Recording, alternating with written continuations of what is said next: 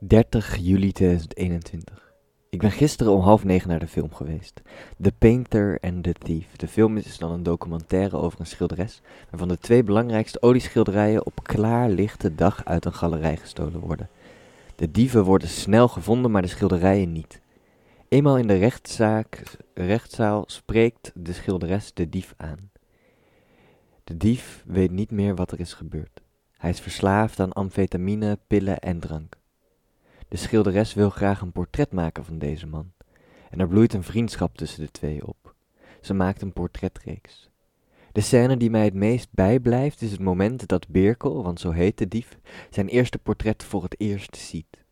Bevankt door angst en confrontatie breekt de harde man volledig. Hij kan zijn ogen niet van het schilderij afhouden, terwijl zijn gezicht in doodsangst gehuld is. Het doet mij denken in het moment van The Portrait of Dorian Gray van Oscar Wilde, waarin Dorian voor het eerst zijn verwrongen gezicht aanschouwt in het portret dat van hem is geschilderd. De film is uitstekend geschoten, alsof elke frame van de film een portret is. De film is duidelijk verrijkend. Het schuwt niet om het grijs gebied van moraal te onderzoeken. De getroubleerde mens wordt in al zijn nuances tentoongesteld. Elk negatief kent haar gradaties. En zo blijkt de schilderes net zo zelfdestructief te zijn als de dief. Aan het eind van de film resteert dan ook de vraag: wie is hier de schilder en wie is hier de dief? Wanneer ik naar buiten loop, zie ik de wereld met nieuwe ogen. Er brandt licht achter de ramen van de appartementen waar ik langs loop. En normaliter zou de grenzen van mijn verbeelding stolken wanneer deze reflecteren tegen het glas. Maar ditmaal daarentegen drijven de voorwerpen mijn netvlies in van achter de ramen. De verhalen van de voorwerpen spatten als zeepbellen boven de stoeptegels. Ik vang ze, neem ze mee. De designerlampen, de beeldjes, de planten, alle gepositioneerd als een 16e eeuwse tableau vivant. De mensen en de dingen verschillen niet meer. Zij spreken als verborgen allegorie, een zwanenlied voor de mens. De eigenaar van het voorwerp sterft en laat een bleek lijk achter. De toeschouwer ontvouwt dit en creëert een geschiedenis, blaast leven in de statische objecten. Ik steek een plein over, en te midden dat plein een rond restaurant. Van de houten balken die het restaurant omringen hangen lantaarns. De lantaarns verlichten het terras en het prieel. In het midden van de restaurant staat een jonge vrouw, en profiel, het leven schijnt zich te spiegelen naar de film, naar de schilderijen. De nacht trakteert met ditmaal op een Renoir schilderij. De vrouw, de lampen, wiegen heimelijk op en neer. Renoir verandert in Van Gogh. De schilders stroken in de wind. In een ander restaurant zitten twee figuren aan een bar. De neonlichten schijnen vanuit het restaurant de straat op.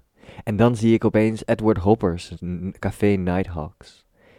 Ik herinner mij de zin uit een boek van Camus, De Val. Het boek speelt zich af in Amsterdam.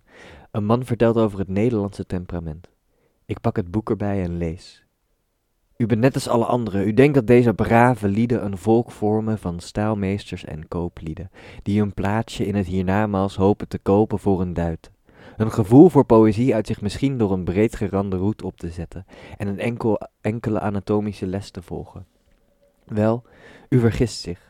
Ja, het is waar dat zij vlak bij ons lopen, maar aan de andere kant, let u eens op waar een hoofd is, in een nevel van neonlicht, van jenever en mente, die uit de groene en rode uithangborden naar beneden wolkt. Holland is een droom, mijn waarde, een droom van rood en goud. Ik herinner mij een gesprek dat ik met een goede vriendin had. Ik vertelde haar voor mijn liefde voor Oscar Wilde's The Portrait of Dorian Gray. Halverwege het noemen van deze naam valt ze mij in de reden. Italiaanse dat ze is, vindt ze het boek te romantisch. Ik zie het verschil in temperament.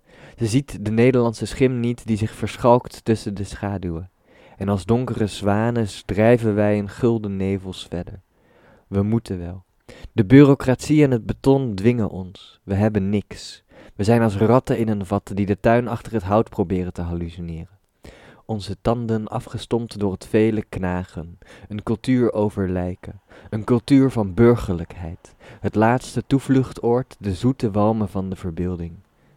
Vergeef mij overigens de romantisering, ik, ik kan niet anders. Ik doe geen concessies. Ik ben arm, Ik heb weinig geld en reken mezelf rijk in de momenten tussendoor.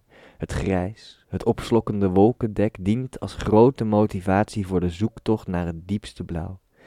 Want we moeten wel. Onze lichamen als lijken van de ene graftombe van de naar de andere. De advocaten, de accountants, de social media representatoren, de reclasseringsambtenaars, de recruiters. We hebben onze klauwen geslepen en zetten onze nagels in het rubber. We hebben honger, maar er is geen vlees. De meeste van ons, de schilders, heb ik het over. Wij moeten overleven. Cultuur heeft hier namelijk geen collectieve waarde.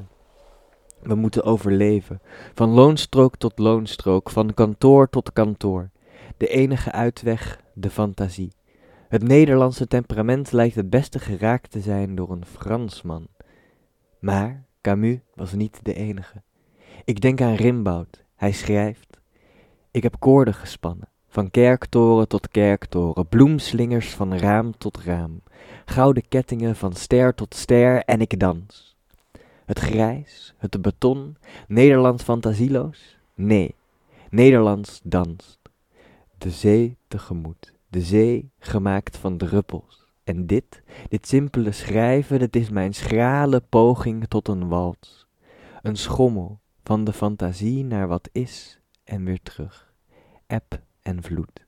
Ik denk aan de overstromingen die zullen komen en ik krijg heimwee naar iets dat geweest is, nog voordat het is vervallen.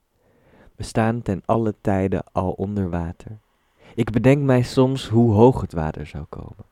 Maar dit, deze woorden, deze verwoede poging om dat te vangen, dat is als een voorbijgaand verkeer, stroken licht in de nacht, en voor het oog slechts stipjes in het duister, maar voor de fantasie verfstroken in de tussenruimte geschilderd.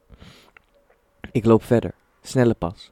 Een man op een terras vertelt dronken aan zijn toehoorder dat hij een motor heeft gestolen uit Duitsland. De motor staat nu in zijn achtertuin.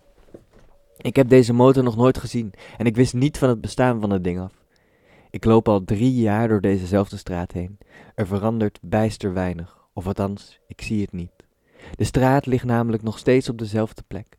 Het dient als decor voor de verhalen. De verhalen als een anker voor de droom om grip te krijgen. Men viert hier de herinnering als waren zij vandaag. Door het constante hervertellen is er geen verschil tussen gisteren en nu. Men heeft het altijd over de dag van gisteren en omdat het gisteren ook gebeurde, praat men over niks. En zo ontstaat de droom. Zo speelt men haar melodie. Ik arriveer. Ik steek mijn sleutel in het sleutelgat en krijg zin om te schrijven. De kriebel groeit en groeit en groeit. Ik loop met grote passen de trap op en ga achter mijn bureau zitten. Het spel begint. Ik droom, maar s'nachts val ik in een droomloze slaap. De droom slechts te lezen met open ogen. En ik, ik dans.